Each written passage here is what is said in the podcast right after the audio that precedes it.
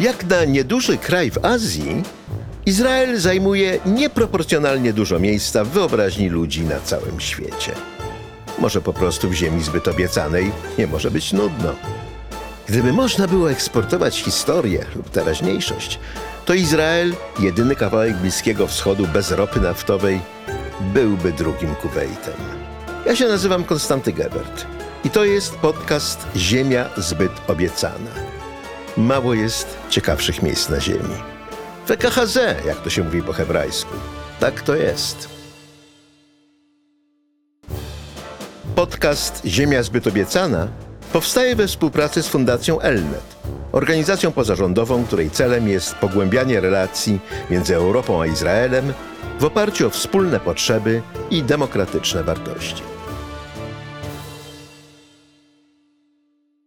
Dzień dobry Państwu. Dzisiaj Państwa i moim gościem jest pan Aleksander Baron, warszawski restaurator i szef kuchni i od kilkunastu lat yy, spec od kuchni żydowskiej. I to nie tylko spec od kuchni żydowskiej w Polsce, ale też spec od kuchni polskiej w Izraelu, bo był pan szefem programu kulinarnego w festiwalu Polska w Izraelu w 14 roku i od tego chciałbym zacząć naszą rozmowę. E, to było, co prawda, no prawie już 10 lat temu, ale był to wybitnie udany festiwal, a co wzbudziło powszechne zdumienie, bardzo udaną jego częścią była ta część kulinarna. Tymczasem no, w Izraelu kuchnia polska nie ma szczególnie dobrej reputacji, ponieważ się uważa, że kuchnia polska to po prostu żydowska kuchnia aszkenazyjska, a więc gefilte fish, czule, gęsi pipek, to wszystko, co trzeba jeść, jak się jest na wizycie u cioci. Ale co w starciu z kuchnią Żydów sefardyjskich i z kuchnią arabską, no jednak jest nie tylko ciężko strawne, ale i ciężkich lotów. Więc jak się tę polską kuchnię w Izraelu sprzedawało? Dzień dobry panu, dzień dobry państwu. Dziękuję za tak miłe przedstawienie. Ono jest trochę na wyrost, bo ja specjalistą tak wielkim nie jestem, aczkolwiek specjalizuję się po prostu w kuchni polskiej, a ta, jak kiedyś już powiedziałem, jest jak grzyby i las. Tylko trudno powiedzieć, która to z kuchni jest grzybami, a która lasem. Nie istniejemy bez siebie i kuchnia aszkenazyjska wrosła tak w kuchnię polską, że nie da się... I odwrotnie. I odwrotnie, że nie da się ich odseparować mhm. od siebie. I nawet nie należy tego robić. No, dzisiaj powiemy sobie pewnie o kilku przykładach, ale do końca też nie zawsze możemy powiedzieć, co z czego wynika i mhm. co skąd przyszło, chociaż można próbować, bo jest to bardzo interesujące. Rzeczywiście kuchnia która e, się, e, którą się spotyka, w ogóle wrażenie na temat kuchni polskiej, na temat kuchni aszkenazyjskiej w Izraelu bywa bardzo różne i ja się spotkałem z bardzo ciepłym przyjęciem, ale też z takim przyjęciem, że no właśnie, to będzie gefilte fish, ta biedna ryba, te pulpety wymieszane z macą, to co tak naprawdę po wojnie przyjechało z mm, biedą, z, z, z ubogą kuchnią, która zawsze dla mnie jest szalenie cenna, bo jest kreatywna mhm. i produkuje e, pomysły, e, bo takie są potrzebne. Więc rzeczywiście to, było duże zaskoczenie i, i, i, i ta kuchnia może wydawać się, że wypadnie blado przy kuchni izraelskiej, która jest kuchnią bogatą w składniki, bo, bo w tym rejonie rzeczywiście e, pogoda dopisuje. No, ale Udało mi się nakarmić e, podczas festiwalu kilkaset osób i z większością z nich rozmawiać. To zawsze były rozmowy na temat wspomnień. Mm. I magią kuchni jest e, nie tylko jej wielokulturowość, o czym, o czym powiemy, bo to jest jej fundamentem, ale magią jest to, że ona przywołuje, przywołuje wspomnienia. I przywoływała wspomnienia dziadków, przywoływała wspomnienia rodziców, ciotek. No, i... Słowem produkował pan w ilościach przemysłowych Magdalenki Prusta, tak? Mogłoby tak być. Rzeczywiście, to jest dobre skojarzenie. Ale to ja w pewnym momencie, bo zawsze chciałem tworzyć w życiu, I wybrałem kuchnię po tym, jak studiowałem rzeźbę. Mm, bardzo świadomie wybrałem kuchnię, ale miałem jeszcze duży problem, żeby to z siebie wykluć i wiedzieć tak naprawdę, zdać sobie sprawę, jakie to będą zadania. Myślę, że jedną z takich, jeden z takich momentów dla mnie szalenie ważnych jest zdanie sobie sprawy z tego, że możemy przywoływać wspomnienia produktem, smakiem, recepturą czy, czy połączeniem składników. I to jest bardzo niesamowite. I to się rzeczywiście w Izraelu udało. E, wszystko działo się w Hajfie w dwóch miejscach. E, w restauracji e, Shahara Sivana, e, kolegi po fachu, ale nie tylko szefa kuchni i, i, właśnie restauratora, ale też wcześniej rzeźbiarza i jak ja już do rzeźby nie wróciłem, tak hmm. Shahar od kilku lat. No, no proszę, to to jest ko kolejne nieznane pana oblicza, czyli że zamiast rzeźbić w marmurze, rzeźbi pan, nie wiem, sztuka mięs? I może być i w sztuka mięs, ale myślę, że właśnie w emocjach Aha. i w przyjemności Aha. też, e, czego rzeźba tak uniwersalnie nie daje, jak, jak jedzenie, które jest takim, no można byłoby postrzegać niskim nośnikiem kultury, ale... To bym się nie zgadzał. Dziękuję, ale często się z tym spotykam, że jedzenie sztuką nie może być, a może. Może. Mhm. Może i sztuką dosyć uniwersalną. Jeżeli mhm. zakładamy, że odbiorca ma otwartą głowę na mhm. doświadczenie nowych rzeczy, to wszędzie tam, gdzie pojedzie na świecie, tam spotka się przede wszystkim z jedzeniem. No więc czy ktoś kosztując pańskie potrawy, powiedział pan na przykład, to jest to, co gotowała babcia i ja tego smaku od lat nie miałem w ustach, strasznie dziękuję. Tak było, tak było. I Naprawdę? tak było wielokrotnie i tak było, i to było do, dosyć niesamowite wszystko. Ja pamiętam, że przyleciałem wtedy do Hajfy. Mm, to był pierwszy wyjazd do Hajfy? Tak. I, i wieczorem jedyny. Hmm. Ale mm, bardzo intensywny i też e, pełen przeżyć. I e, Szachar, jak tylko się poznaliśmy, e, a to było takie poznanie, że jak człowiek wie, że już e, może e, przenosić razem góry od pierwszego wejrzenia. E, I przeszliśmy się z Szacharem po różnych miejscach, które uh -huh. chciałem pokazać. I ku mojemu zdziwieniu, prawie każdej z tych restauracji, barów, e, gdzieś tam e, w piekarniku na niskiej temperaturze e, piekł się nad liścia, liśćmi eukaliptusa boczek. No, boczek, od razu boczek. No to, to, to, to się nazywa produkty z białej wołowiny, tak? Tak właśnie. Biała wołowina. No, moje zdziwienie zupełnie nie spotkało się ze, zrozumieniem, bo dla nich było to zupełnie normalne. No bo Haifa jest y, najbardziej wieloetnicznym miastem w Izraelu. I przybyła tam też bardzo duża imigracja Żydów z byłego Związku Sowieckiego którym akurat wieprzowiny wyrzec się było strasznie trudno i gdzie indziej, no, którzy zamieszkali w Jerozolimie na przykład, to mieliby po prostu trudności z znalezieniem. Znaczy, są takie sklepy, ale nie ma ich dużo. Są takie sklepy, tak. ja się zorientowałem, gdzie można kupić nawet hurtowo, bo są mhm. hurtownie, bo dostarcza się też na statki. Tak, tak naprawdę tak. w Izraelu tak. dużo się produkuje jako port. E, przetworów mhm. mięsnych, mhm. wieprzowych na statki. I byłem nawet w jednej takiej fabryce. Mhm. To było bardzo ciekawe. Czasami to są statki na lądzie i nawet takie zacumowane na stałe, z fundamentami, ale się ciągle to nazywa, że na statek, tak? To prawda, to prawda. E, I Gościnność e, to jest rzecz, którą bym też wpisał jako wspólną cechę tych, tych obu kuchni. No, doświadczenie było naprawdę niesamowite. My zrobiliśmy tam dużo różnych rzeczy, dużo dziwnych rzeczy też, bo e, Szachar od razu powiedział, żebyśmy eksperymentowali, żebyśmy łamali wszystkie możliwe e, prawa i konferense. I rzeczywiście tak było, bo nawet zrobiliśmy gribenes w czekoladzie, które świetnie się sprawdziło. I... E, proszę powiedzieć, bo nie wszyscy nasi słuchacze Oczywiście. mogą wiedzieć, co to jest. W momencie, kiedy wytapiamy tłuszcz gęsi, mhm. bądź nawet kaczy, zawsze pojawia się tam na końcu taki skwarek. Mhm. I chrupiący E, Był przysmakiem, e, możemy powiedzieć po polsku cymesem, a do tego chyba jeszcze, jeszcze dojdziemy. I e, rzeczywiście w połączeniu z gorzką czekoladą ten chrupiący skwarek wyszedł bardzo dobrze i wszystko do siebie pasowało. No jestem pod bardzo dużym wrażeniem, choć jako zdeklarowany Jarosz od 40 lat, no to jest tylko wyobrażenie. Piękny wynik. No nie, nie, nie krzywduję sobie, nie krzywduję. Znaczy rzeczywiście nie, nie tęsknię za tym, z jednym wyjątkiem. Proszę powiedzieć, bo to ciekawe.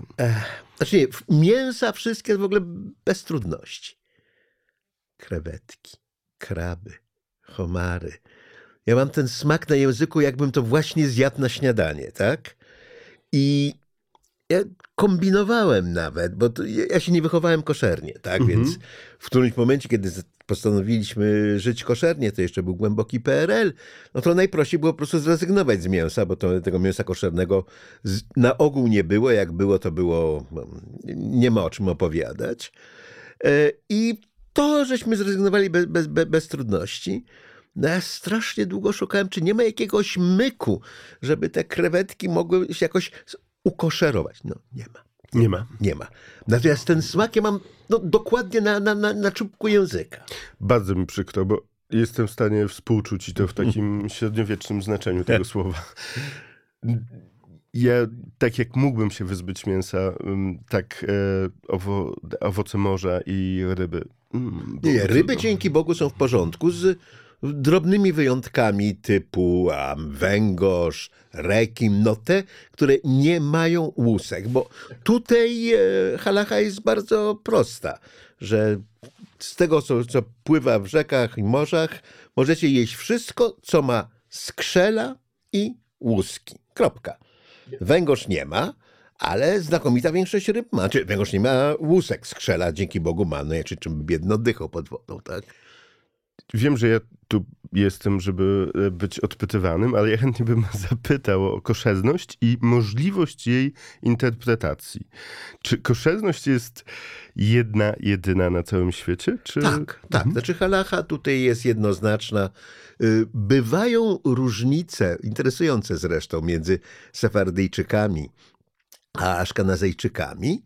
Na przykład taka naj- najbardziej znana różnica jest na temat tego, czego nie wolno jeść na Pesach. No na Pesach wiadomo, że nie wolno jeść e, zakwasu, tak? Więc nie jemy chleba, jemy macę, e, nie jemy niczego, co jest ze, ze zboża, więc na przykład jak pijemy wódkę, najchętniej śliwowicę albo ziemniaczaną. Albo ziemniaczana. Tak. E, natomiast w związku z tym, że ziarno jest sypkie, prawda? No to Aszkenazyjczycy na wszelki wypadek nie jedzą też w Pesach ryżu, soczewicy, grochu, bo ktoś mógłby pomyśleć, że to jest ziarno i że wobec tego to jednak można jeść, prawda, skoro Żydzi jedzą. Otóż Sefardyjczycy tym się w ogóle nie przejmują, co kto pomyśli. Jak najbardziej jedzą w Pesach ryż i uważają te aszkenazyjskie, a co ludzie pomyślą, za jakąś głupotę. Innym przykładem bardzo interesującym jest... Przepraszam, to też cecha jest wspólna dla, dla e, Polaków i, i Tak, Żydów. tak, tak, co prawda? ludzie pomyślą, absolutnie tak. Inny przykład takich różnic tyczy się szarańczy.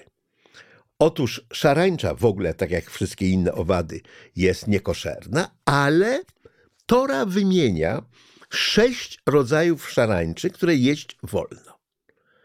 Żydzi jemy, teraz tylko nie wiemy, ja, jakim rodzajom szarańczy odpowiadają te archaiczne hebrajskie słowa. W związku z tym, no, szarańczy jeść nie wolno, kropka, tak? Ale Żydzi jemeńscy mają tradycję, która identyfikuje dwa z tych sześciu rodzajów szarańczy. Więc Żydom jemeńskim wolno jeść szarańcze na odpowiedzialność swojej ich tradycji, ich rabinów. Natomiast jak ktoś nie jest Żydem jemeńskim, to tego przysmaku już nie skosztuje. A dobrze poinformowani mówią mi, że szarańcza smażona na miodzie jest przepyszna. Jadłem szarańcze, nie No. jadłem szarańczy smażonej na miodzie. I jaka jest? może być przepyszna. Chitynowa, chrupiąca, to na pewno. I tutaj trzeba pamiętać, że człowiek nie, nie do końca trawi chityna. Ale wszystko, co chrupiące, wzajemnością, e, tak. tak. Ale wszystko, co chrupiące sprawia mózgowi dużo Mhm, przyjemności, więc y, szarańcza jest smaczna. Szczególnie, że Mhm. tam jest już coś na ząb, że to nie jest y, konik polny. To strasznie fajne jest to, co pan powiedział, że chrupiące sprawia mózgowi przyjemność, bo to jest coś, o czym się strasznie często przy takim banalnym gotowaniu, że no, byle się napchać, zapomina, prawda? A to przecież nie tylko jest smak, to jest konsystencja, to jest dźwięk, to jest zapach, to jest wygląd i dlatego ja się nie zgadzam. Znaczy, nie, nie zgadzam z tymi, którzy mówią, że gotowanie nie jest sztuką, choć zgadzam się z tymi, którzy mówią, że na ogół nie jest, bo się ludziom nie chce. A Ale to tak. rzeczywiście byle jakość się zdarza, szczególnie w dzisiejszych czasach. Rzeczywiście jedzenie przyjmujemy wszystkimi zmysłami. Jest to szalenie ważne, żeby o tym pamiętać. Ta konsystencja, struktura, mm, chrupkość, kontrasty, jakie można Mhm. budować e, konsystencją, czy, czy, czy właśnie no strukturami. Chińczycy na wynalazku banalnego słodko-kwaśnego podbili pół świata. No bo lu- ludziom to gdzie indziej na ogół nie przychodziło do głowy, tak? Tak, no, Chińczycy rzeczywiście podbili pół świata i nie, nie, wcale nie wynika to z ich liczebności w tym Mhm. momencie. A rzeczywiście, słyszałem o koszernych kuchniach chińskich. To jest Tak. ciekawostka. Ja nawet widziałem w Paryżu kiedyś na Rue de Rosier w, dzie- w Marais, w dzielnicy żydowskiej, koszerną restaurację malgaską, czyli kuchnia Madagaskaru. A jedyna koszerna restauracja malgaska na świecie. Na Madagaskarze oczywiście nie ma, no nie było powodu, a w Polsce to się nat- natychmiast kojarzy, bo były te przedwojenne pomysły, żeby polskich Żydów wysłać Tak, na tak, Madagaskar. E, Ale to, że w Paryżu była koszerna knajpa malgaska, nie miało żadnego związku e, z tą paskudną naszą historią, tylko chodziło o to, że był tam jakiś Żyd, który sporo czasu przemieszkał na Madagaskarze i mu malgaska strasznie smakowała. I razem z kolegami, malgaskimi kucharzami, zrobił malgaską knajpę koszerną, która cieszyła się zresztą dużym powodzeniem. To jest mikroprzykład tego, jak kuchnia potrafi migrować i też adaptować się do nowych chociażby warunków klimatycznych, czyli produktowych. I, i myślę, że kuchnia żydowska, kuchnia aszkenazyjska ma tutaj dużo w swojej No historii. właśnie, do wracajmy do tej hajfy, bo oprócz sentymentalnych wspomnień, że czulent zupełnie jak u babci i tych dyskretnych kociołków z boczkiem, e, co pana jeszcze w tej hajfie tak uderzyło? Bo to była pierwsza wizyta w hajfie i w ogóle pierwsza w Izraelu, tak? Tak, tak, tak. Z punktu widzenia restauratora, z punktu widzenia mistrza kuchni, bo tak to oczywiście wszyscy wiemy, hajfa, prawda, ogrody Bahajów, e, port i tak dalej, ale od kuchni, hajfa od kuchni, co Haifa od kuchni. Gotowałem w dwóch miejscach i tak jak powiedziałem u, u e, Shahara i był jeszcze pub Ogan. Pub Ogan był em, pubem człowieka, który mm, niestety odszedł em, dwa czy trzy lata temu, ale w bardzo sędziwym wieku. Ja nie wiem ile pan Ogan miał lat, ale myślę, że miał około setki. I do końca w tym swoim pubie był na miejscu opowiadał o, o drodze swojej emigracji. E, był to malutki pubik z mikrokuchnią, gdzie tak naprawdę jak e, zobaczyłem, w czym przyjdzie mi wydawać e, kilkaset porcji, to, to byłem bardzo przerażony. Na szczęście udało się to obejść. Mm, I to uderzyło mnie miejsce, cała historia, bo ja, najbardziej lubię dania i tę część kultury kulinarnej, gdzie, a w większości przypadków tak jest, gdzie mamy historię e, za produktem, za daniem, no i za miejscem. I to jest zdecydowanie miejsce z olbrzymią duszą, do dzisiaj prowadzone przez e, syna. Ale pierwotnie było to miejsce, gdzie e, przychodzili prosto z portu, bo to jest b- stary port, e, marynarze i pan Ogan e, akceptował ich czeki, bądź A też to musi być bardzo popularny wśród marynarzy. wymieniał je na jedzenie, bądź alkohol. I, i, i tak to się e, działo. Dla mnie dużym zaskoczeniem oczywiście był gigantyczny tygiel kulturowy. Jeżeli możemy mówić o, o, o tyglu e, w ogóle takim, gdzie jak staniemy na środku um, miasta i po prostu będziemy stali i obserwowali, to e, no, nie ma nic ponad Jerozolimę, ale, ale rzeczywiście w każdym miejscu w Izraelu możemy tego doświadczyć i jeżeli mamy tylko trochę wiedzy na temat na przykład kuchni, no to widzimy, jak to wszystko się miesza nie jesteśmy wręcz w stanie dojść, skąd te rzeczy się wszystkie wzięły i skąd przywędrowały. Oczywiście jest taka, taka nauka jak, jak e, historia e, tutaj e, pochodzenia dań i, i, mhm. jest rewelacyjna wiedzą, ale tak, no, multikulturowość chyba była dla mnie największym szokiem, tak, tak musiałbym to powiedzieć, bo nie powiem o jednym daniu, bo, bo, bo, bo się nie da. Tabule, które spotkałem później i w Palestynie, i w mhm. Libanie, e, będzie już w Izraelu w każdym domu inne, mhm. bo na tym polega po prostu przepis na, na, na, mhm. na, to, na, na, na, na to Proszę danie. wyjaśnić naszym słuchaczom, może nie wszyscy jeszcze jedli tabule, na czym to polega. Tabule, a jeszcze fatusz, jeszcze lepiej. A. Dobrze, więc e, rzeczywiście tabule jest połączeniem dla mnie głównie e, natki pomidorów i, i, i, na trzecim miejscu wymieniam kuskus, bo ja go lubię najmniej w tym wszystkim, że on jest tylko jakimś dopełniaczem. E, bardzo e, potrzebujemy do tego dobrej oliwy i soku z cytrusów. Mhm. Najlepiej limonka właśnie, nie najlepiej, najlepiej limonka, rzeczywiście i te limonki mhm. w Izraelu są inne, mhm. Na całym świecie są inne. U nas są jeszcze... Niestety tak, są, Niestety, są tak. całkiem inniejsze. Tak. Inniejsze, tak, tak, tak. tak. O, to tak, to moje największe wspomnienie z Izraela to jest um, hmm, to jest mango zjedzone na plaży. Mhm ale tak jak mam wspomnienie gruszek z dzieciństwa, które mhm. podczas wgryzania się sok cieknie po tak, brozie tak. i spływa po klatce piersiowej, mhm. tak właśnie było z tym mango. I ja nigdy tego mango już nie zapomnę. I jak byłem teraz w Indonezji i mhm. mówiono, tu zjesz najlepsze mango na mhm. świecie, e, na Filipinach, byłem w Meksyku i wszyscy mówili, że to jest to mango, to ono nie stało przy tym fantastycznym, olbrzymim mango izraelskim co jest dowodem postępującej globalizacji, bo ja najlepsze sushi na świecie jadłem w Jerozolimie na targu Machanei Huda.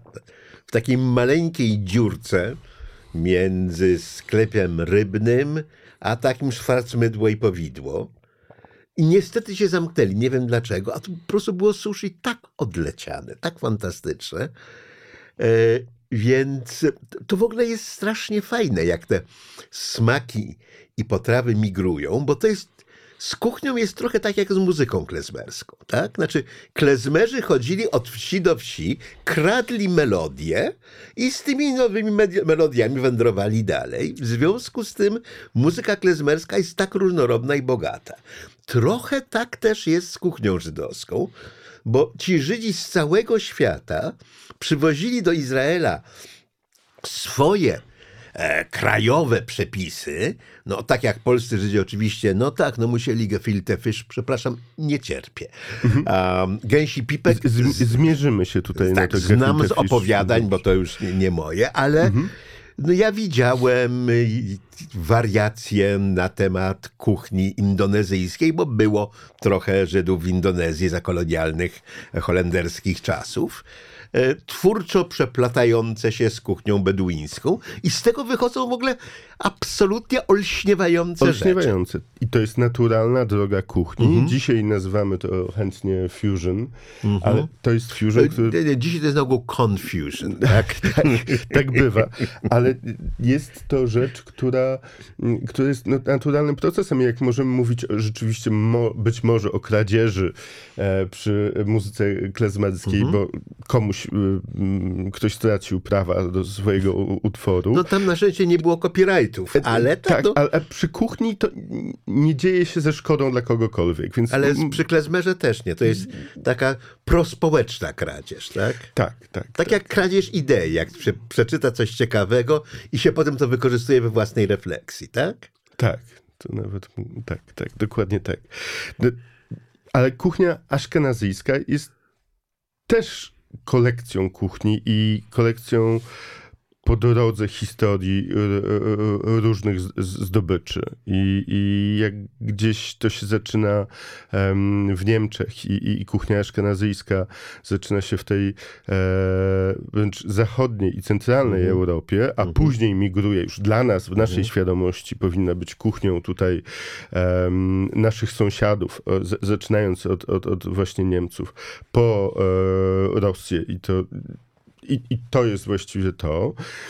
To, to, to jest piękne i, i, i tak, no to, to, to jest miks, to jest kolejny tygiel. I zresztą, no trudno musimy się zmierzyć z gefilte fish, Zmierzmy się, proszę. bo to jest no taka emblematyczna potrawa klasycznej, okropnej kuchni aszkenazyjskiej. Um, nie, nie, to nie znaczy, że aszkenazyjska jest okropna. Ja mówię, że tej kuchni aszkenazyjskiej, która jest okropna. Tak? To, Tak, to no, jest to, co trzeba było jeść u cioci. Natomiast, no właśnie, y, pan chciał bronić gefilte fish. Bardzo proszę. Panie Konstanty, ja postawię taką tezę, że nie ma złych dań. Są tylko źle wykonane. I, Albo źli konsumenci, a nawet wkurzeni. ale gefilte fish e, może być zrobione dobrze. Ono tak przyjęło się interpretować jako kuchnię właśnie biedną. Jako, ta, ta ryba była najczęściej zmielona z ośćmi, wymieszana w dużej ilości z macą bądź innym wypełniaczem i to właściwie wszystko. Gdyby ją zrobić z dobrej ryby, i wcale nie myślę tutaj o karpiu, który pojawi się troszeczkę później, I zresztą był rybą królewską, luksusową.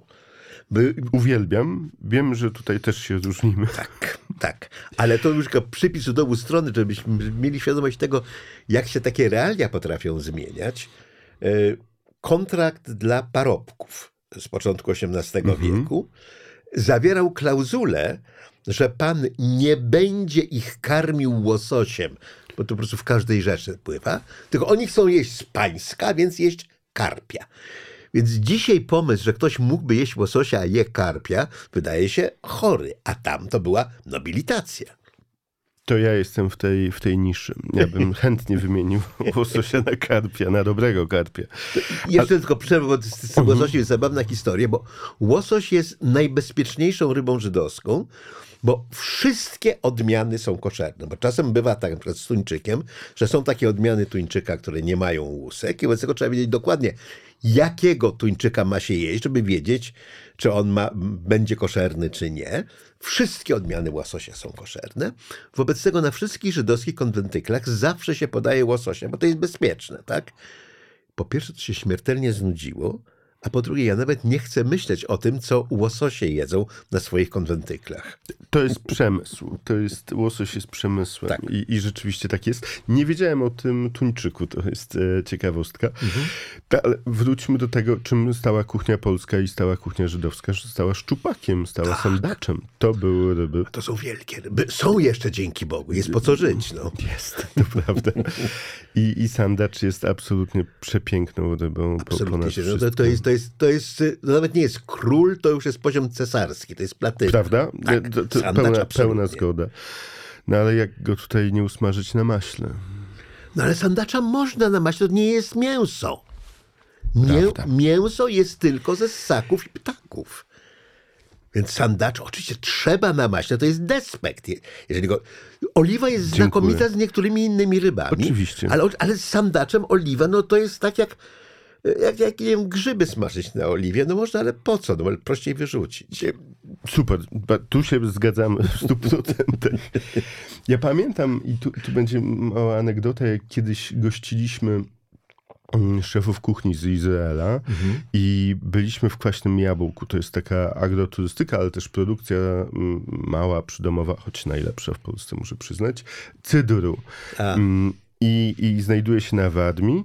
I to był super czas, gdzie usmażyliśmy dużo gęsi, zrobiliśmy fajne dania wspólnie, wypiliśmy sporo cydru, ale szczupak, który był złowiony o poranku, zupełnie się nie przyjął. Kucharze stwierdzili, że jest nieświeżą rybą.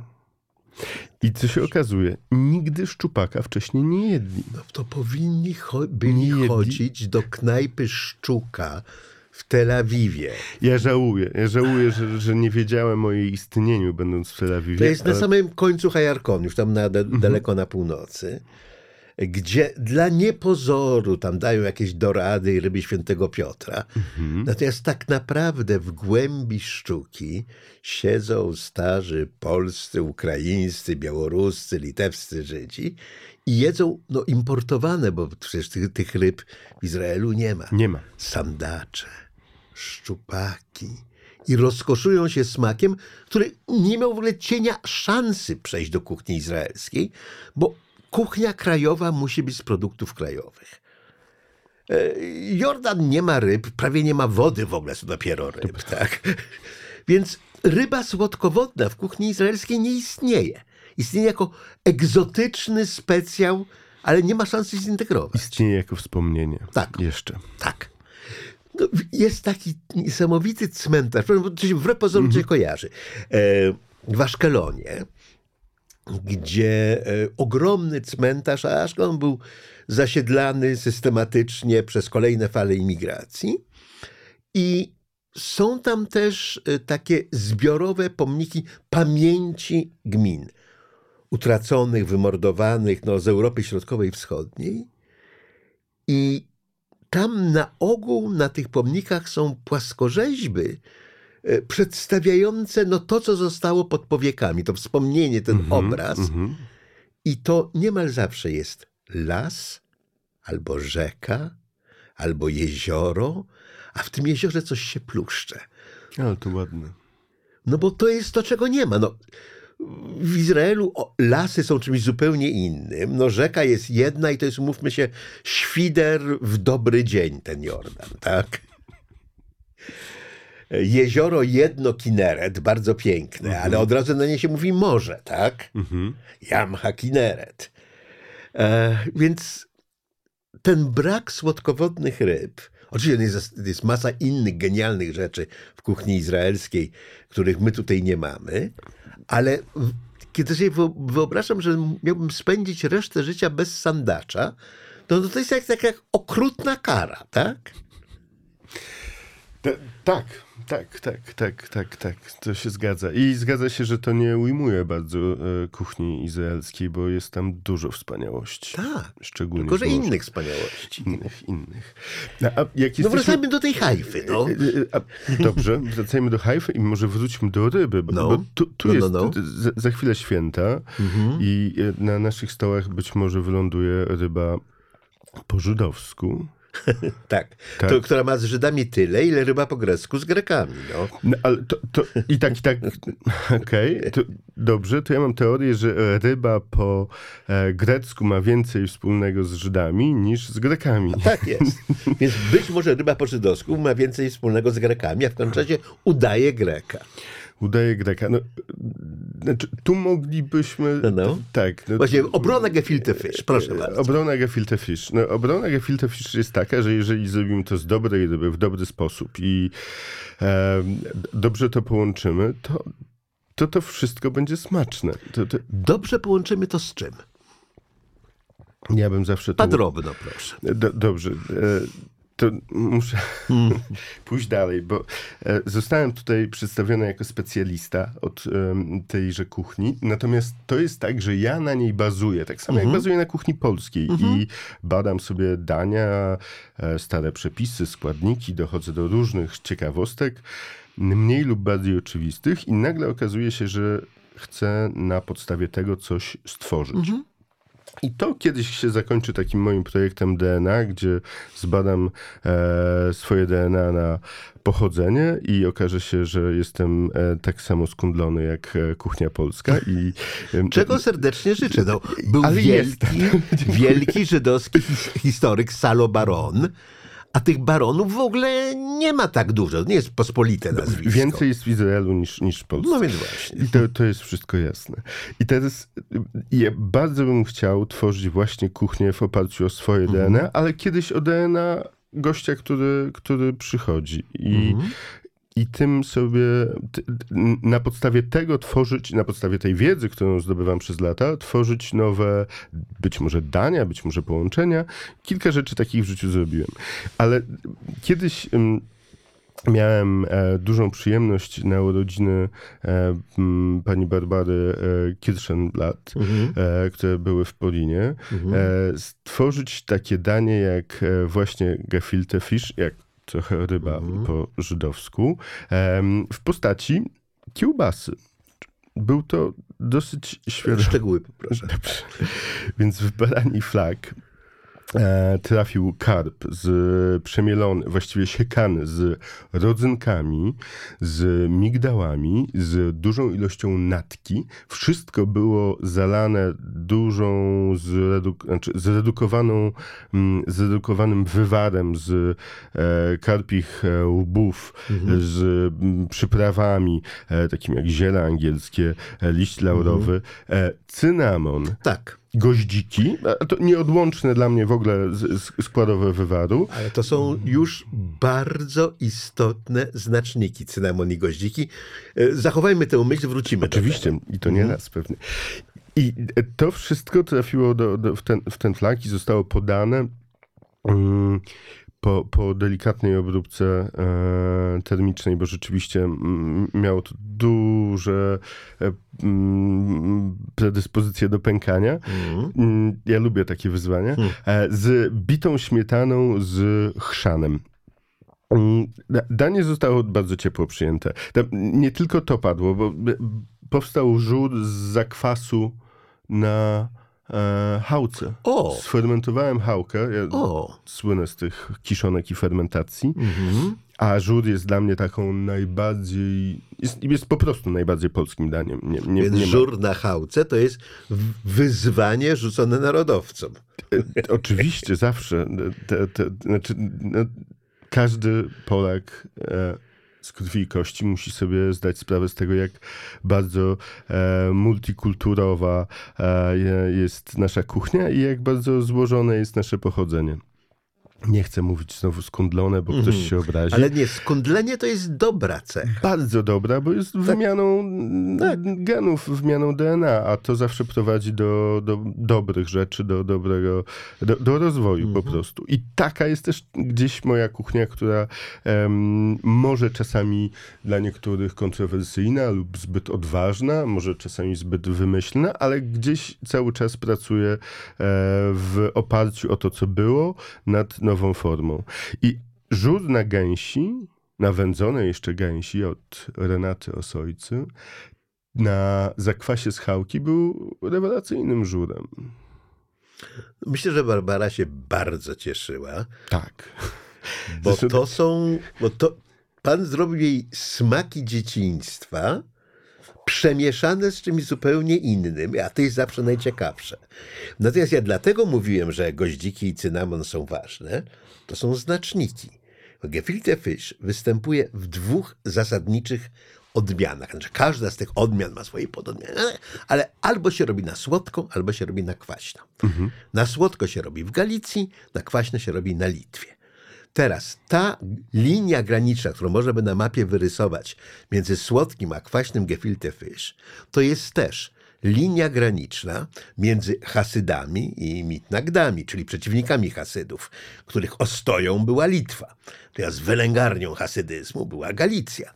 To są dwa różne jidysz. A w tym jidysz galicyjskim jest dużo więcej słów niemieckich niż w jidysz litwackim, gdzie jest bardzo dużo słów słowiańskich, polskich, ale także rosyjskich. To są dwa różne wyobrażone światy polityczne. Litwa była wylęgarnią żydowskiego socjalizmu. W Galicji pięknie, prężnie się rozwinął galicyjski sionizm. Więc wystarczy na pierwszych odwiedzinach u rodziców e, ewentualnego przyszłego bądź przyszłej spróbować gefilte fish i wiadomo z czym mamy do czynienia religijnie, politycznie, językowo i jeżeli na przykład Litwaczka wyjdzie za Galicjanera, no to się mówi małżeństwo mieszane, tak? Bo jak, się, jak śpiewał, Boże, jak on się nazywał? Jakiś słynny przedwojenny piosenka żydowski nazwiskiem teraz wyleciało. Takie czastuszki, widzisz, piękne śpiewał. Um, Ga Galicjaner machen Geld. Die Litwakes Kinder. Znaczy Galic Galicjanie e, robią złoto, zarabiają, a Litwacy robią dzieci, tak? No to to są wyraźnie dwa różne modele, więc to pańskie gefilte ja tak słuchałem, słuchałem, a Galicja się kłania. Zdecydowanie na słodko. No, no, Galicja. Zdecydowanie na słodko. I ta słodycz od, e, pochodzi z kilku składników, bo marchew ma dużo słodyczy, cebula ma dużo słodyczy, no i rodzynki, e, które czasami są zupełnie, mm, znaczy tak, występują w kuchni e, aszkenazyjskich Żydów, natomiast też czasami, jak już mówi się rodzynki, to już, jak już się widzi rodzynki, to się zawsze przypisuje do kuchni żydowskiej, a nie zawsze tak, tak do końca jest. No, to tak, to ja jestem fanem em, rzeczywiście, jeżeli chodzi o stół świąteczny teraz, to czekam na rybę, na karpia po żydowsku mojej mamy i będzie to ten karp, e, którego pamiętam od dziecka i od dziecka go jadłem i lubiłem. Co prawda był moment, kiedy wbiła mi się ość w gardło Pośmiertna zemsta ryby. jako dziecko i nikomu nie chciałem się przyznać, bo myślałem, że pojadę do szpitala, a przede wszystkim nie będę mógł dalej jeść. No jeść nie mogłem, ale do szpitala nie pojechałem. Jakoś mi to e, przeszło i ta mm, ka- kawałek Ryzykowny suchego... był z pana Do- dzieciak. Zostało. Zostało. No, Ale e, wracając jeszcze do tej hajfy, to znaczy, ja sobie tak wyobrażam i tak po, wynika z tego, co, co pan mówił, no, że ludzie przychodzili na ten festiwal polskiej kuchni, spodziewając się, no, że zjedzą to, ach, jak u babci, tak? Dziwili się, jak się okazywało, że są jakieś inne rzeczy. dziwili się, a z drugiej strony przyszli do szefa kuchni, a nie do babci. I, i, i tu chcieliśmy im pokazać nową wartość. Ja to nazywam e, neo-aszkenazi e, kuchnią. Tak, taki termin sobie em, wymyśliłem. I, I rzeczywiście będę w to szedł. I, i dalej będę to uprawiał, bo to jest piękny temat, który łączy nasze kuchnie i, i, i może wybrzmieć na całym świecie nawet. Ale, ale tak, dla nas, mówię tutaj, jak, jak siedzimy sobie w Polsce, e, bardzo nieoczywiste jest to, mm, co jest kuchnią polską, e, co, co żydowską, gdzie one mają wspólne mianowniki, gdzie się łączą, co przyszło e, skąd. I m- często ludziom e, otwierają się oczy, jak mówię, że gołąbki na przykład, są, e, że, że placki ziemniaczane. Chałka to jest, jest tak, chociaż my chałkę w Polsce bardzo zmieniliśmy, osłodziliśmy. E, często jest na, na jakichś mlecznych em, Tak. tutaj a to, to jest w ogóle bardzo ciekawe, bo chałka klasyczna nie ma w sobie e, wyrobów mlecznych, żeby można było No, ją do połączyć do z, mięsa. z mięsem. Tak. I, I to też się broni, bo dla mnie chałka jest absolutnie uniwersalna. E, Ja bardzo długo wypiekałem chałkę e, w, w mojej by, byłej restauracji Solec 44 i podawaliśmy burgery w chałce. I to była...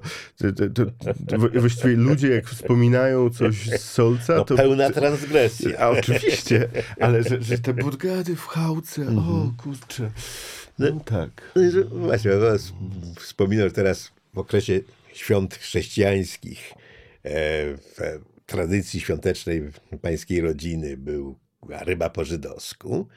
No tuż parę tydzień temu zakończyła się Hanuka, gdzie do tradycji należy e, latkies, i Żydzi się bardzo często dziwią, że to latkies to są placki. To jest jidiszowa wersja słowa placki, placki ziemniaczane. Tak. i że to występuje gdzieś poza kuchnią żydowską. A to jest taka no, fundamentalna potrawa hanukowa. Właśnie nie, nie bardzo wiadomo dlaczego, bo jako żywo Makabeusze nie jedli placków ziemniaczanych, ani niczego innego ziemniaczanego, bo jeszcze Kolumb nie przywiózł ziemniaki z Nowego Świata, tak? Tak, no, ale w pewnym momencie ziemniaki przyjechały do Europy i uratowały Europę przed e, Glo- głodem. głodem. Tak. I umożliwiły zresztą wystawianie dużych armii, bo nareszcie było czym żołnierzy karmić. To tak? prawda, to prawda i wiem, jak to się skończyło. No. Ale e, no, trafiły te ziemniaki wszędzie. Tak. Czy trafiły do Żydów, trafiły e, do Polaków, Mhm. trafiły, a chyba zaczęło się wszystko na Prusach tak naprawdę. Tak. to jest, tak, no, to znowu mówię o kuchni, że, że, a baby ziemniaczane, przecież... Tak, tak. A kugel ziemniaczany. No, No, no dobra, No, a rozważyliśmy właśnie, ale no, no. Nie, niemalże można wymiennie używać. Tak. Czy baba, czy Tak, kugel. no bo nie jest dokładnie to samo, ale prawie, tak? Ale prawie, prawie. No, myślę, że może być tym samym, jak się, y, jak się spotka. E, No, no tak, tak, tak, tak. Mm, Więc tu mamy ty, tyle części e, wspólnych. E, Na przykład bardzo często kuchnię żydowską też kojarzy się z śledziem. No masz. Ale to już jest ta... Znaczy nie, nie. Są też śledzie po galicyjsku, ale, Ale są, ale- umówmy się, no. Żydzi Śledź- sprzedawali Tak. śledzie. I te, to Tak. przede wszystkim z tego wychodzi, że, że, że, że ten śledź był po prostu żydowski. Mhm. I, i e, jak go podajemy, to już jest, e, to jest, o właśnie. I tu kolejny. Mm? Mhm. Forszmak. Tak.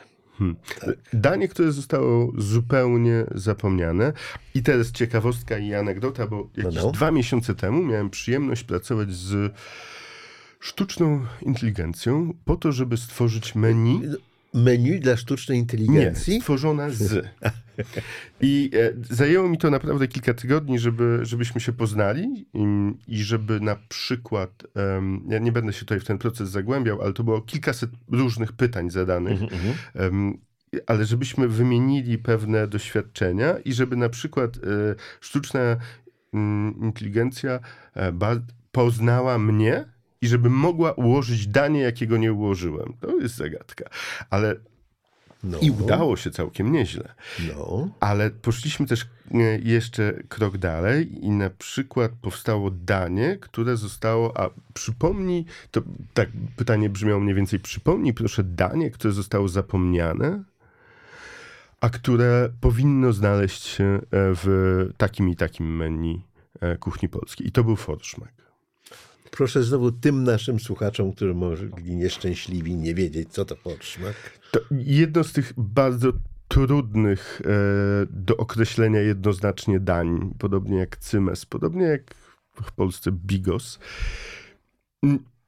Myślę, że klasycznie najbliżej była, było to połączenie ziemniaków, cebuli e, i warzyw, i owoców czasem, jak jabłek. Mm, mówię o warzywach korzeniowych, z, e, ze śledziem. Mhm. I są różne przepisy y, i, i y, bywają przepisy na nawet, które dwa rodzaje śledzia wkładają w forszmek.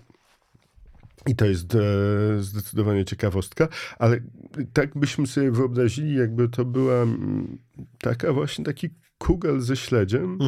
E, czy tam trafi cebula, czy trafią kapary, to jest naprawdę em, licencja poetyka każdego domu i każdego twórcy. Danie bardzo pojemne. Później przerodziło się w danie, które zyskało e, swoje mięsne e, e, różne wariacje i tak naprawdę ja skończyłem z współpracę z, z, na, na daniu, które było z grzybów. I, i był, No, był danie to z grzybów fo- w Izraelu to jest naprawdę raj utracony. jest. A tutaj w sezonie jesiennym e, z e, borowikami był czymś naprawdę e, pięknym. I, i, I tak, no, bardzo tak, no więc pod e, słowem fotrzmak możemy znaleźć, tak naprawdę może znaleźć bardzo dużo rzeczy. Ja bym chciał przywrócić to danie i, i tradycję. Ono było niegdyś przed wojną bardzo, bardzo Tak. popularne. Tutaj słówko wyjaśnienia, dlaczego danie z grzybami w Izraelu to jest raj utracony, bo w Izraelu grzyby nie rosną. Izrael jest bezgrzybny, tak jak jest bezsandaczowy. I to są po prostu dwa noże w serce. No. Myślę, że znaleźlibyśmy grzyby w Nie, ale, to, ale niekoniecznie one byłyby kulinarne. One mogłyby być bardziej psychodeliczne. Ku, ku, kulinarne też i psychodeliczne też. Natomiast one dalekie są od tego, co możemy, Tak. e, co, co mogą ludzie pamiętać e, z, z tych rejonów. To, to jest ni- niestety przepaść. Ale mówiąc o daleko, e, no, spotkał się pan w Hajfie też z kuchnią swardyjską, która na pierwszy rzut oka z polskiej perspektywy no jest bardzo daleko od tego, co w Polsce się nazywa kuchnią żydowską. No prawda? bardzo, bo to są dwie inne kuchnie. Toż to. I, i, i, to najlepiej ilustruje taka anegdotka z czasów e, COVID-u. W Izraelu sefardyjska rodzina wraca z kolacją nowych sąsiadów aszkenazyjczyków, którzy się wprowadzili, no i zaprosili sąsiadów na kolację. Ci sefardyjczycy wracają z tej kolacji, okropnie się martwią, że złapali covid No bo była kolacja, było jedzenie, ale nie czuli żadnych smaków, nie czuli żadnych zapachów, a to po prostu była zwykła kuchnia aszkenazyjska. No w porównaniu z tą orgią smaków i zapachów, jaka się na dzień dobry przewala w kuchni swardyjskiej, rzeczywiście kuchnia aszkenazyjska wydaje się uboga. I tak, i nie. Mhm. Pamiętam, jak gotowałem w górach taką kolację komentowaną, którą komentowaliśmy razem z e, Makłowiczem. I, I Robert powiedział tylko: Baron, ale mam nadzieję, że to nie będzie sefardyjska kuchnia, Bo za dużo, bo jest nudna. Tak to skwitował. o, za mniejsze rzeczy zabijano. Prawda? Ale to, czy to nie jest właśnie piękne e, o, o kuchni, że, że, że ona może nam się podobać bądź nie i że każdy ma swoje ulubione kierunki i smaki, a jeszcze więcej możemy odkryć, odkrywając rzeczy e, nowe. I dowiedzieć się też o sobie. Więc mm, Więc to pańskie spotkanie z kuchnią swardyjską w Hajfie. No jak to wyglądało? Nie Prze- było czasu, bo siedział pan w kuchni. Nie, to dużo siedziałem w kuchni rzeczywiście i to, to o tym też mógłbym poopowiadać, bo zu- zupełnie inaczej się tam pracuje. I było dosyć zabawnie i No, no, wspominam to, ś- świetnie. E, Pamiętam, że jak e, szedłem na kuchnię, to zapytano mnie na samym początku, czy napiję się kieliszka e, araku, czy, czy, czy piwa. Ja powiedziałem, że dziękuję, że w pracy to nie, ale później spostrzegłem, że każdy trzyma coś w dłoni. I No bo jest- właśnie w pracy, no. jest jakiś To taki do wielki obowiązków luz. służbowych. Tak. E, I świetnie się bawiłem z tymi ludźmi. E, Mieliśmy bardzo, bardzo fajne e, połączenie i to był naprawdę dobry czas. Ja jeszcze też opowiem, co, co później zrobiliśmy, ale de facto nie przypominam sobie spotkania z kuchnią e, sefardyjską. Spotkałem bardzo dużo e, się z kuchnią em, arabską i taką, która właśnie stała się kuchnią izraelską, to znaczy z połączenia kuchni arabskiej, tureckiej i no, też aszkenazyjskiej często. Mm, I, I jeszcze kilku innych kuchni, albo kilkunastu, albo kilkudziesięciu, bo to jest wszystko tak eklektycznie, tak, tak, tak połączone w tyglu jednym, że no to już powtarzam się, ale, ale tak, no nie da się tego czasami e, rozdzielić i powiedzieć co skąd. Mm, I oczywiście to, to muszę to powiedzieć, bo bardzo często myli się kuchnię żydowską z kuchnią izraelską w To Polsce. I dwie zupełnie różne jest- rzeczy. Oczywiście, że Wspólny pień, ale tak. wspólny pień. E, tak, ale tak, no, ludzie mówią, a, żydowska.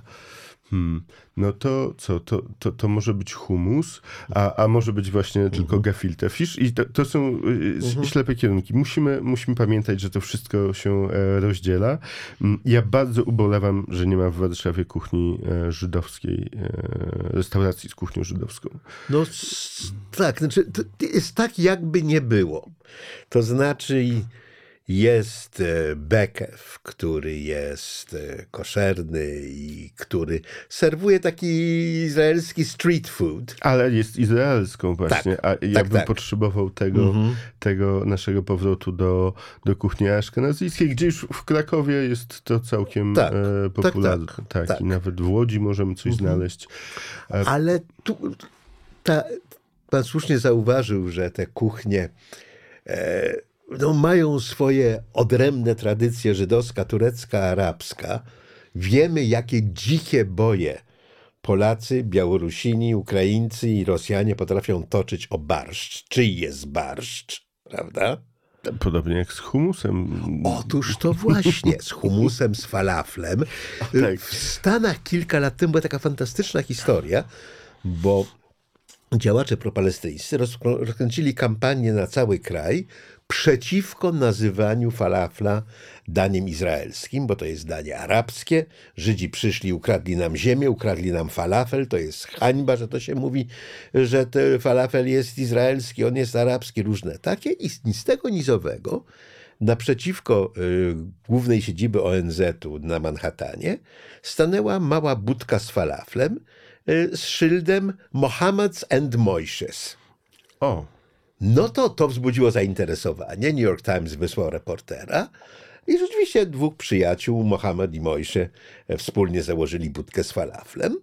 No i ten dziennikarz New York Timesa pyta Mohameda, mówi, no słuchaj, tu jest taka wojna przecież w Stanach o to, czy jest falafel, czy to nie jest dla ciebie problemem, że robisz falafel razem z Mojszem. A Mohamed powiedział, wiesz, może by to i było problemem, ale Mojsze, kochany Mojsze, zaprosił mnie kiedyś na kolację do swojej babci. I jak ja zobaczyłem, co ci biedni ludzie jedzą, to sobie pomyślałem, a niech wezmą ten falafel, no im też się coś od życia należy. Kuchnia potrafi łączyć i, i widzieliśmy to wielokrotnie i to jest szalenie ważna rzecz. Bardzo mi się podoba ta, ta, ta przypowieść. I, i To jest historia autentyczna. Ona zaraz się stanie przypowieścią, oczywiście, ale poszła w eter właśnie. E, Make hummus, not war. E, Tak. To, to jest też piękne hasło. Znowu dla tych z Państwa, którzy nie wiedzą, w 14 roku e, podczas poprzedniej izraelskiej kampanii obronnej w Gazie odbyły się demonstracje antyizraelskie pod ambasadą i na e, oknach e, knajpy Tel Awiw w Warszawie na ulicy Chorzej e, ktoś na bas grał Free Palestine i tak dalej. E, Więc knajpa Tel Awiw ogłosiła pod hasłem Make Hummus Not War sprzątanie, to znaczy, żeby zapraszała warszawiaków, żeby przyszli pomóc zmywać te bazgroły i każdy, kto przyjdzie, e, dostanie miseczkę humusu w prezencie od knajpy. E, Bardzo szybko humus się skończył i wobec tego e, z solidarną pomocą pośpieszyła knajpa Bejrut z drugiej strony Tak, ulicy. to, to, jest, to jest ładne akurat, Tak. że one są naprzeciwko siebie. Tak, więc Bejrut pomógł Tel Awiwowi dostarczyć humusu tym wszystkim, którzy uważają, że należy czynić humus, a nie wojnę. E, I to jest kolejny przykład na to, jak strasznie potrzebujemy inteligentnej kuchni. O to- tak, no tak. I ja bym. Ja myślę, że my się możemy już z góry umówić na kolejną rozmowę, żeśmy w ogóle nie ruszyli kuchni swardyjskiej, w ogóle żeśmy nie, nie ruszyli kuchni arabskiej i jak się one mają do kuchni izraelskiej. Także do tego trzeba A- będzie kiedyś wrócić. Z przyjemnością zawsze, ale padło słowo Ameryka i ja bym chciał się tutaj jeszcze zatrzymać, jeżeli mamy Mhm, czas. tak, tak. Bo największa populacja, z tego co wiem, Żydów aszkenazyjskich przypada na Stany Zjednoczone. I tam rzeczywiście ta kuchnia bardzo e, e, się zmieniła i, i, i wręcz poszła swoim e, takim torem, który jest teraz z kolei, który do nas wrócił. To jest w ogóle bardzo ciekawe, bo e, t- t- bajgle, które e, są tradycyjną kuchnią e, polskich Żydów tutaj, powstały w XVII wieku i wyemigrowały właśnie mm, do Nowego Jorku, e, wracają do nas. Znaczy, my już bajgli nie robimy od wielu, wielu e, lat i nie są one popularne w naszej świadomości, nawet nie ma ich jako, jako rzecz, która jest stąd. I e, z setkiem Filadelfia i łososiem e, to jest to, co powróciło, e, ale też z pastrami. I, I musieliśmy poczekać e, kilkaset lat, żeby, żeby, żeby tak się stało. I typowe danie amerykańskie, żydowskie bialis. A, ja nawet tak. je widziałem w menu jakiejś polskiej knajpy, tak właśnie zapisane. Przez L, a nie E i S na końcu, a nie białostockie, no bo to stąd się wzięło. to Stąd był- się wzięło, tak. oczywiście. I t- to jest taka forma cebularza, Mhm. e, tak moglibyśmy to określić. I to, to jest, Pyszne e, zresztą. e, Pyszne i bardzo ciekawe właśnie, że to utrzymało em, swoją nazwę, że nie, nie zostało prze- przetworzone. Ale no, nawet y, w, Nowym Jorku wchodzi się do sklepu, jest polska kielbasa i, i, i to też jest To naturalne. jest czymś zupełnie innym niż sausage. Tak. Dokładnie. I Nowy Jork jest taki też, to jest taka specyfika miejsca, Mhm. że tam dotrzemy nawet do autentycznych kuchni każdej, każdej, każdego zakątka świata i bardzo za to lubię Nowy Jork. Bo mm, trzeba go za to lubić. I, i i delikatesy Katza, które są obowiązkowym punktem odwiedzin każdego w Nowym Jorku. To jest, to jest niesamowite. Od tylu lat, właściwie nie zmieniając menu, serwują to samo.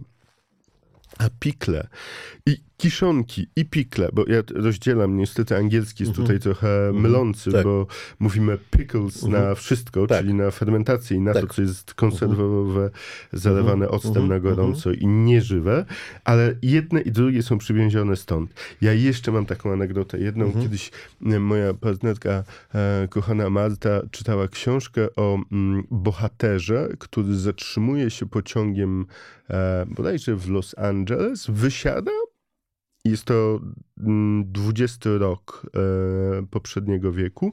Wysiada i kupuje kanapkę z pastą jajeczną i napój selerowy. No i zaczęliśmy e, szukać tego napoju selerowego. Jak się okazało, e, w, 20, w latach 20. seler był superfoodem. Był, był czymś, co miało nieść A to dawać jest zdrowe- superfood. Jest, oczywiście, że tak. Smażony na miodzie? Genialne. To był tonik selerowy. Mm. Mm, I historia jest właśnie, to, to, jest dobra historia. Tonik selerowy, który do dzisiaj istnieje, jego marka, powstał w 1868 roku, to zapamiętałem. E, Nazywa się Dr. Browns. I został stworzony przez Żyda tutaj z e, Nowolipek, z, z, z okolic właśnie Nalewek i, i miejsca, gdzie urodziłem się i wychowałem. E, I wywędrował do Stanów i do dzisiaj jest w sprzedaży.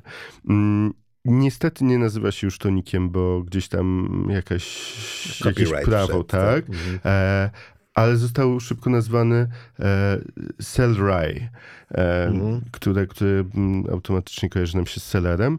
I Ja pamiętam, że natychmiast po, tej, po zebraniu tej informacji wróciłem do restauracji wtedy Zoni i poprosiłem mojego super zdolnego barmana e, Dimę o to, żeby em, rzucając mu nasiona selera, bo już wiedziałem, że się robi to z nasion e, i, i, i trochę sininy, żeby mm, zrobił ten tonik i zrobił fantastyczny, fermentowany tonik na dziko, który był naturalnie przez tę fermentację gazowany i był świetną rzeczą.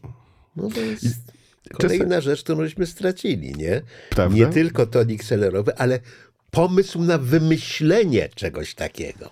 To prawda. E, To, to prawda. On był tak popularny do momentu, kiedy kola stała się koszerna.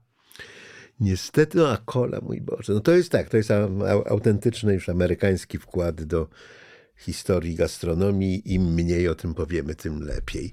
A my też musimy skończyć mówić, bo, bo kończy się nasz czas.